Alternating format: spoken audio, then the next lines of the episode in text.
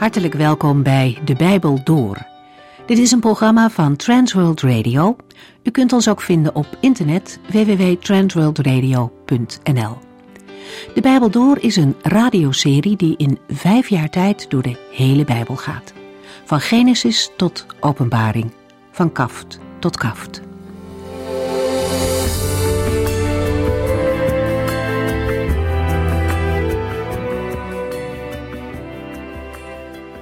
Vandaag lezen we uit de eerste brief van Johannes. Deze apostel was een man die de Heer Jezus van dichtbij heeft meegemaakt. Drie jaar lang volgde hij hem en leerde hem kennen. Maar ook toen de Heer teruggegaan was naar de hemel, bleef Johannes in die gemeenschap met zijn Heer leven. En hij verlangt ernaar dat zijn lezers in diezelfde verbondenheid met Christus zullen leven. Dat is het echte leven. Leven in die vreugdevolle gemeenschap met de Heer is echter onverenigbaar met zonde.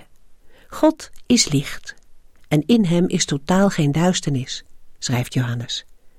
Er is geen tussenweg of een grijs gebied. Toch zondigen we allemaal. En wie zegt dat hij of zij niet zondigt, houdt zichzelf voor de gek. En met die zonde moeten we steeds weer terug naar de Here, om die zonde te beleiden. Bij hem alleen is er volop vergeving en een nieuw begin. Johannes schrijft zijn brief aan christenen die al meer weten van de christelijke leer. Hij spreekt hen niet aan als pas bekeerden. Zelf is hij dan al op hogere leeftijd gekomen. Als een geestelijk vader schrijft hij zijn kinderen, omdat hij ziet dat de waarheid van het geloof bedreigd wordt door de verleidingen uit de wereld en door dwaalleren. In de vroege kerk was ook al sprake van mensen die bijvoorbeeld de menswording van Christus ontkenden. Johannes schrijft deze brief om christenen aan te sporen standvastig in het geloof te blijven.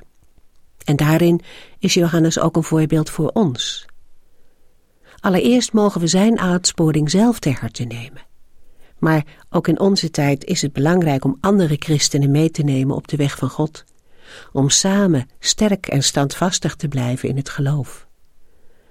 Onze gemeenschap is met de Vader en zijn Zoon, maar ook met elkaar. Wanneer we leven in die verbondenheid, dan zijn we elkaar tot steun. Als de een dreigt te vallen, houdt de ander hem vast. Daarover lezen we ook vandaag in 1 Johannes 1 vanaf vers 1.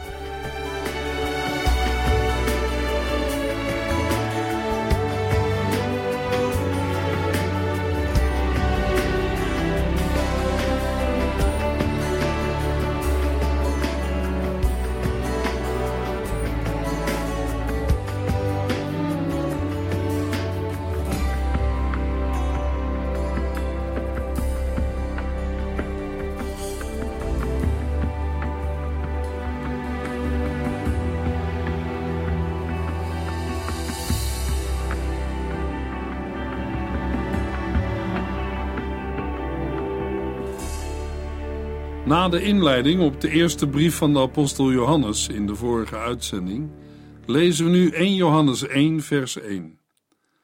Het was er vanaf het begin, het woord dat leven geeft.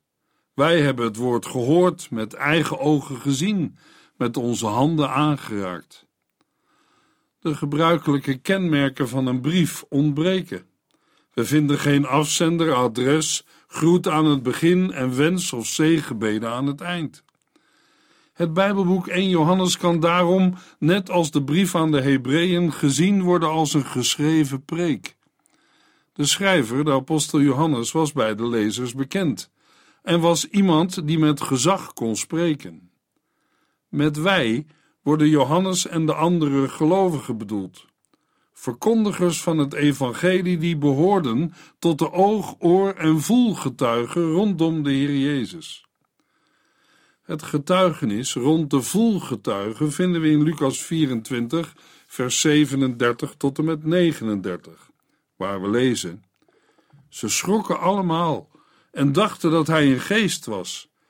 Waarom zijn jullie zo van streek? vroeg hij. Waarom twijfelen jullie eraan of ik het werkelijk ben? Kijk maar eens naar mijn handen en mijn voeten. Ik ben het echt. Voel maar. Een geest heeft geen vlees en botten en ik wel, zoals jullie zien. En in Johannes 20, vers 25 tot en met 29 lezen we over Thomas. Toen de andere leerlingen hem vertelden dat zij de Heer hadden gezien, wilde hij het niet geloven. Ik kan het pas geloven, zei hij, als ik de wonden van de spijkers in zijn handen zie en met mijn eigen hand voel dat hij een wond in zijn zij heeft.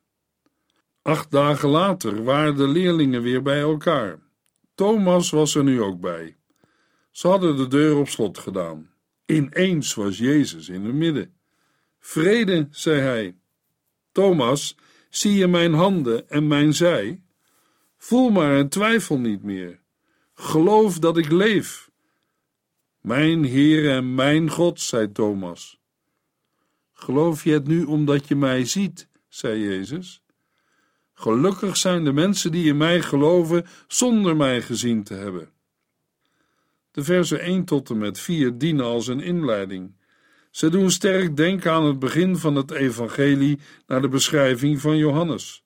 Vanaf het begin zal hier, net als in het begin uit Johannes 1 vers 1, spreken over het bestaan van het woord Jezus Christus voor de schepping van hemel en aarde. Het is waarschijnlijk dat de lezers hier ook de echo hoorden van Genesis 1 vers 1, waar we lazen: In het begin maakte God de hemelen en de aarde. De aarde was woest en leeg, en over de watermassa lag een diepe duisternis. Maar de geest van God zweefde over de watermassa. In Genesis 1, vers 26 lezen we: Toen zei God: Laat ons mensen maken die op ons lijken en kunnen heersen over alle dieren op aarde, in de zeeën en in de lucht. Als we naast het begin van Genesis het begin van het Johannesevangelie leggen, dan ontdekken we meer over het woord Jezus Christus. Johannes verkondigt geen theorie of idee, maar een persoon, Jezus Christus. De Heer Jezus, de persoon waarover Johannes schrijft, is door verschillende volgelingen van hem gehoord, gezien en aangeraakt.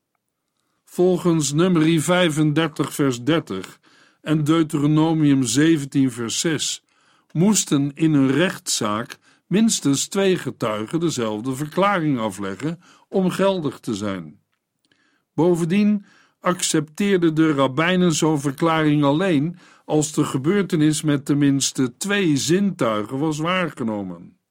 De werkwoorden horen en zien in de Griekse tekst onderstrepen de komst van de Heer Jezus op aarde als een historisch gebeuren met een blijvende betekenis voor het heden. De werkwoorden zien, aanschouwen, waarnemen, aandachtig kijken en betasten of aanraken staan in het Grieks in een vorm waarmee een eenmalige gebeurtenis in het verleden wordt aangegeven. Daarbij kunnen we denken aan de al eerder aangegeven voorbeelden na de opstanding van de Heer Jezus Christus. Ook zagen we uit de gelezen Bijbelteksten dat het woord dat leven geeft een aanduiding is van zowel het gepredikte woord als het mens geworden woord, dat is Jezus Christus. Zonder dat levend makende woord is de mens geestelijk dood. We lezen in 1 Johannes 3, vers 14: Als wij van elkaar houden, blijkt eruit dat wij van de dood naar het leven zijn overgegaan. Maar wie niet lief heeft, blijft in de dood. Gelijksoortige woorden lezen we in het Johannesevangelie, bijvoorbeeld in Johannes 5, vers 24, waar de Heer Jezus zegt: Het is zoals ik zeg. Wie naar mijn woorden luistert en gelooft in Hem die mij gestuurd heeft, heeft eeuwig leven. Over zo iemand wordt geen oordeel uitgesproken, maar die is overgeplaatst uit de dood in het leven. Want in Johannes 11, vers 25 en 26 zegt de Heer Jezus tegen Martha, de zus van Lazarus: Ik geef de doden het leven terug. Ik ben zelf het leven. Wie in mij gelooft, zal leven, zelfs als hij gestorven is. Wie leeft en in mij gelooft, zal nooit sterven. Geloof je dat?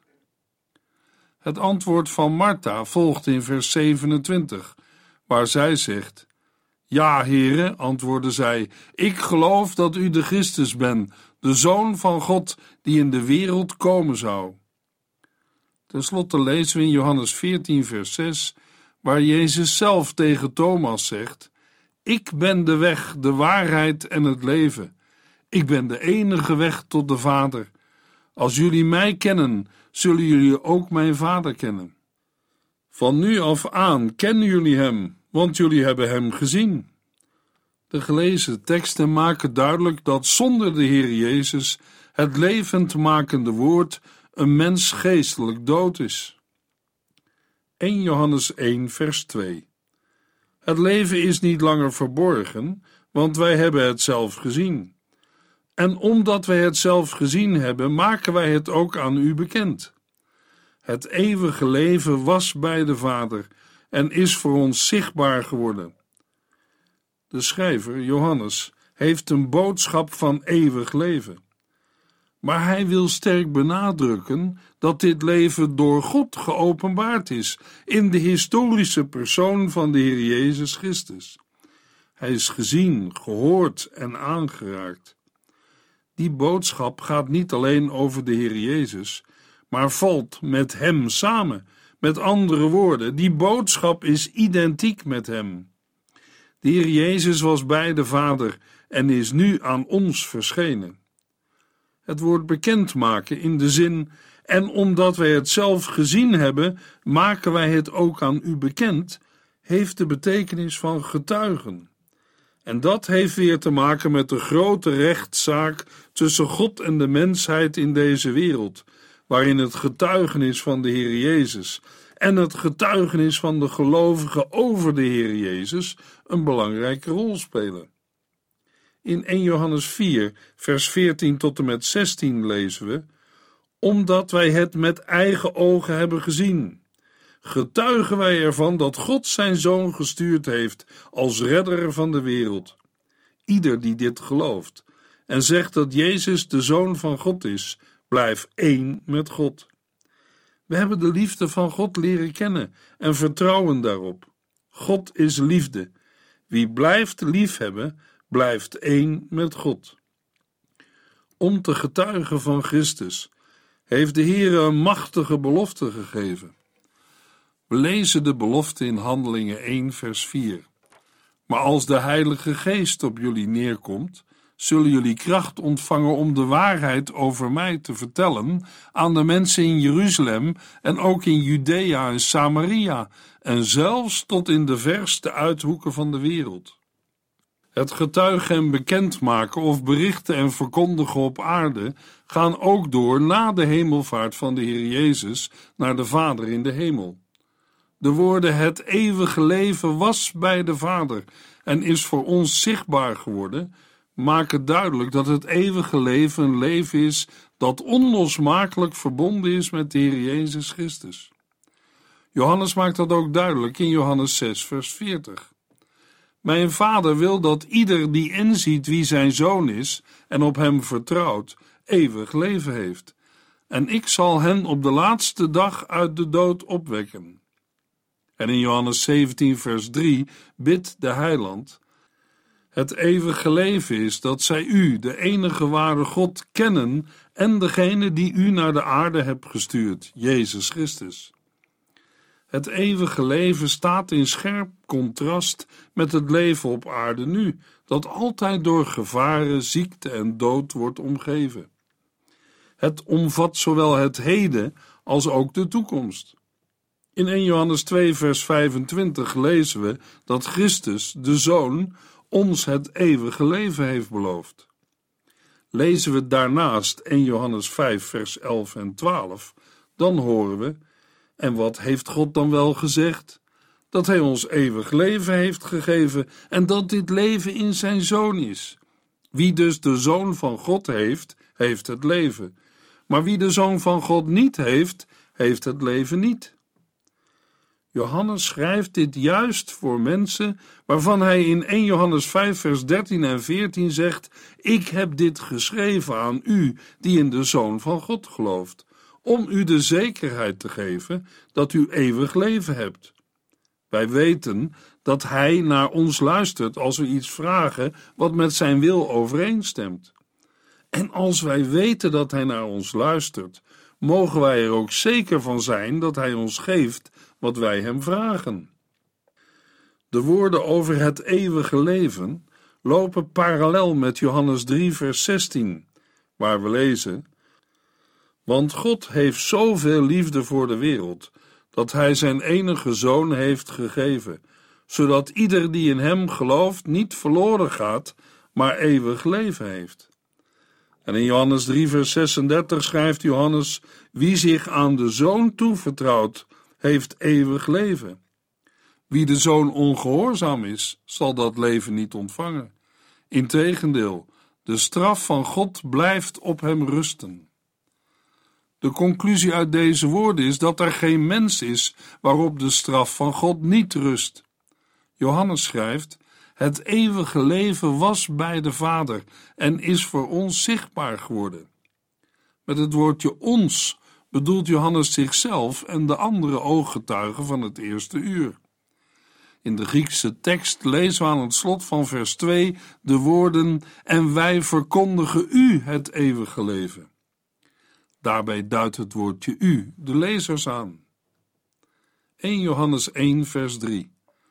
Wat wij gezien en gehoord hebben, vertellen wij ook verder, omdat wij graag willen dat velen deel zullen hebben aan onze gemeenschap met de Vader en zijn Zoon Jezus Christus. Vers 3 sluit aan bij vers 1. Na nogmaals de realiteit van de menswording van Christus te hebben benadrukt, komt Johannes tot het doel van zijn schrijven. Hij maakt datgene wat hij van het woord heeft gehoord en met eigen ogen heeft gezien en met zijn handen heeft aangeraakt, bekend aan mensen die geen oor- en ooggetuigen zijn geweest van de Heer Jezus. Johannes geeft de boodschap door aan de nieuwe generatie, zodat zij met Jezus Christus gemeenschap en innerlijke betrokkenheid met Hem zullen hebben. Johannes schrijft in 1 Johannes 1, vers 6 en 7: God is licht en er is in Hem geen spoor van duisternis. Als wij dus zeggen dat wij bij Hem horen, maar in het donker leven, liegen wij. Wat wij zeggen is niet waar. Maar als wij in het licht van God leven, zoals Hij zelf in het licht is, dan zijn we één met elkaar en wast het bloed van Zijn Zoon Jezus ons schoon van al onze zonden. En in 1 Johannes 2, vers 23 lezen we: Want wie niet in de Zoon gelooft, kent ook de Vader niet. Maar wie in de Zoon gelooft, kent ook de Vader. De basis van deze gemeenschap is de gemeenschap met de Vader en de Zoon. In Johannes 17, vers 21 en 22 zegt de Heer Jezus: Ik vraag u, Vader, of zij net zo één mogen zijn als u en ik. U bent in mij en ik ben in u. Laat hen ook zo in ons zijn. Dan zal de wereld geloven dat u mij gestuurd hebt. Ik heb hun dezelfde eer gegeven als u mij gegeven hebt om hen zo één te laten zijn als u en ik.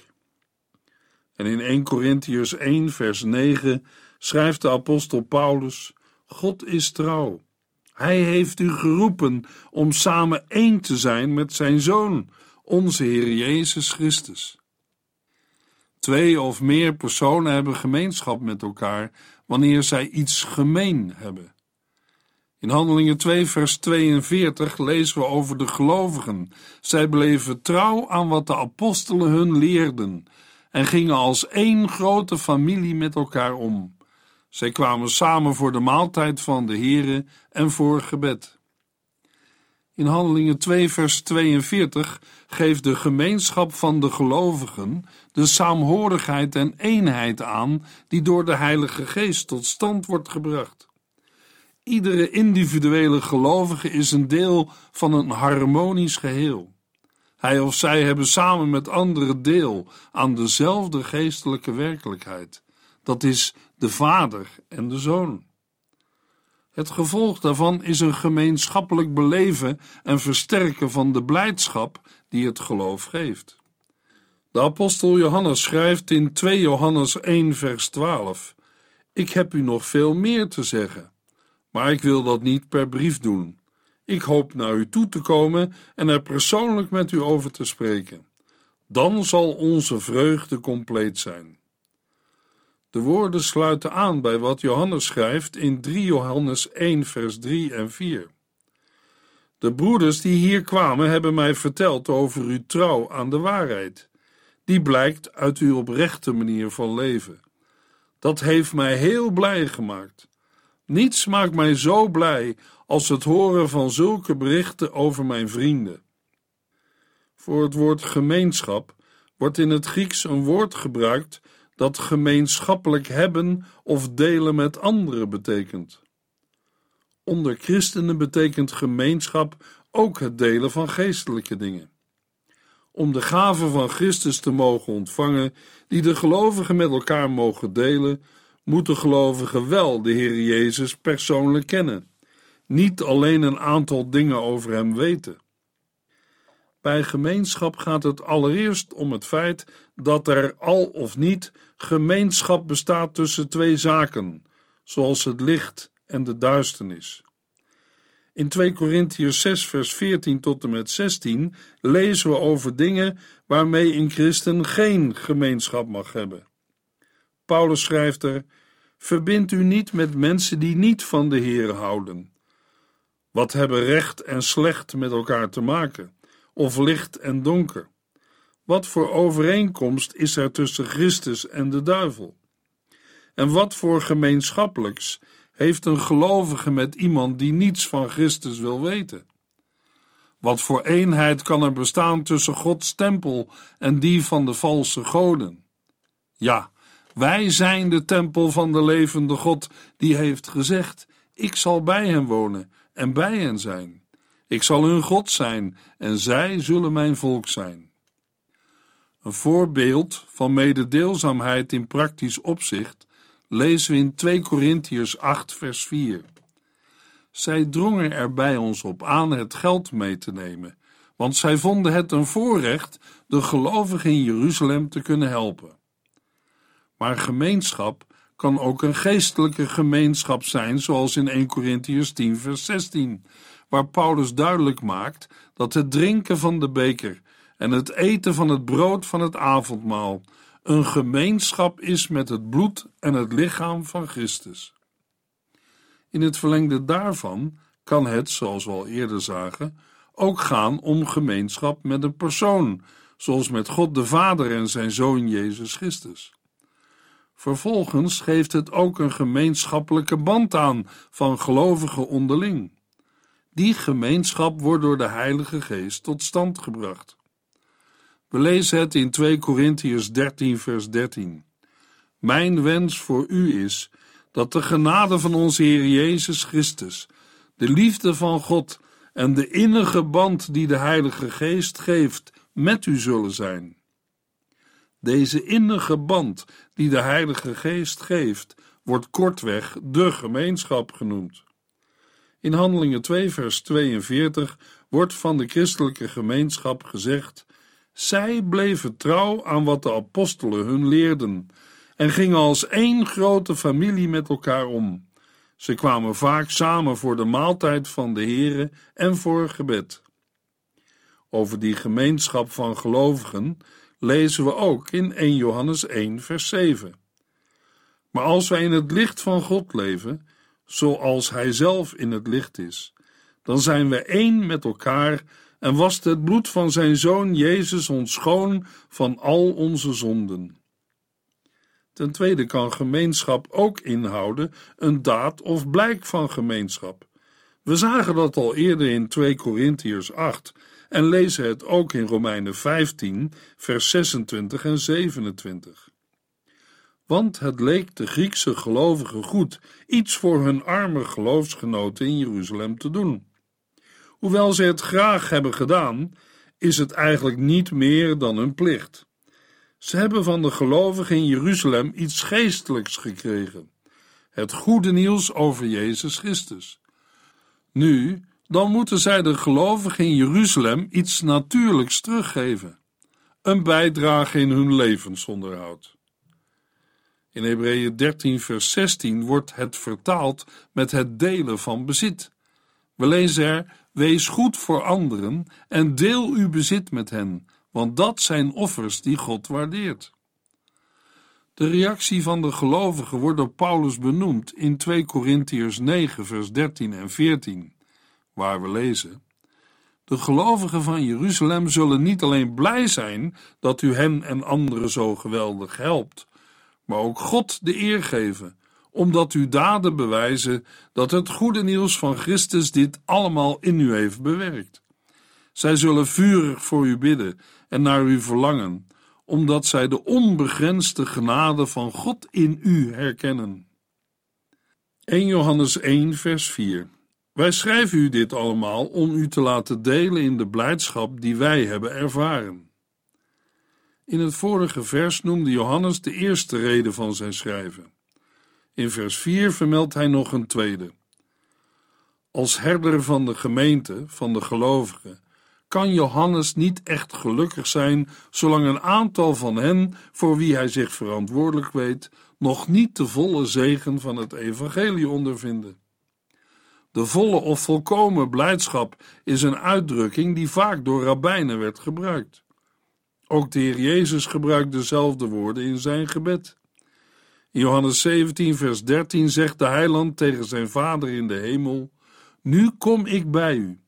Ik zeg dit allemaal terwijl ik nog in de wereld ben, omdat ik wil dat zij vol zullen zijn van de blijdschap die ik heb.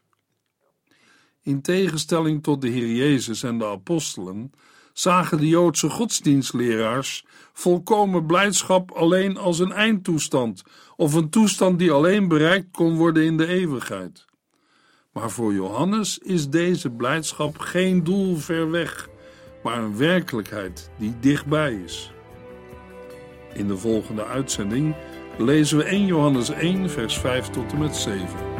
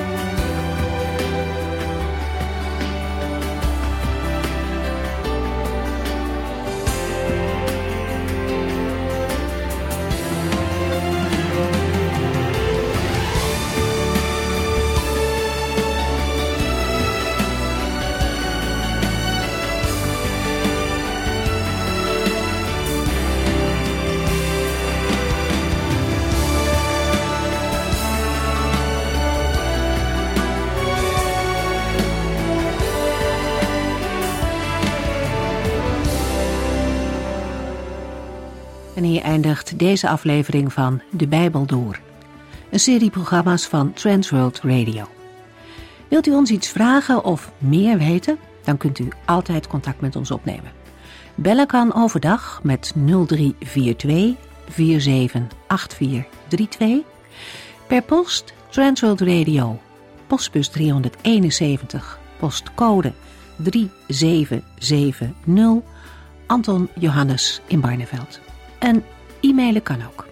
De Bijbel door at transworldradio.nl En natuurlijk ook via onze website transworldradio.nl Dit programma werd gepresenteerd door Cor Weda en Ike André. En namens iedereen die er nog meer aan meegewerkt heeft, graag tot de volgende keer.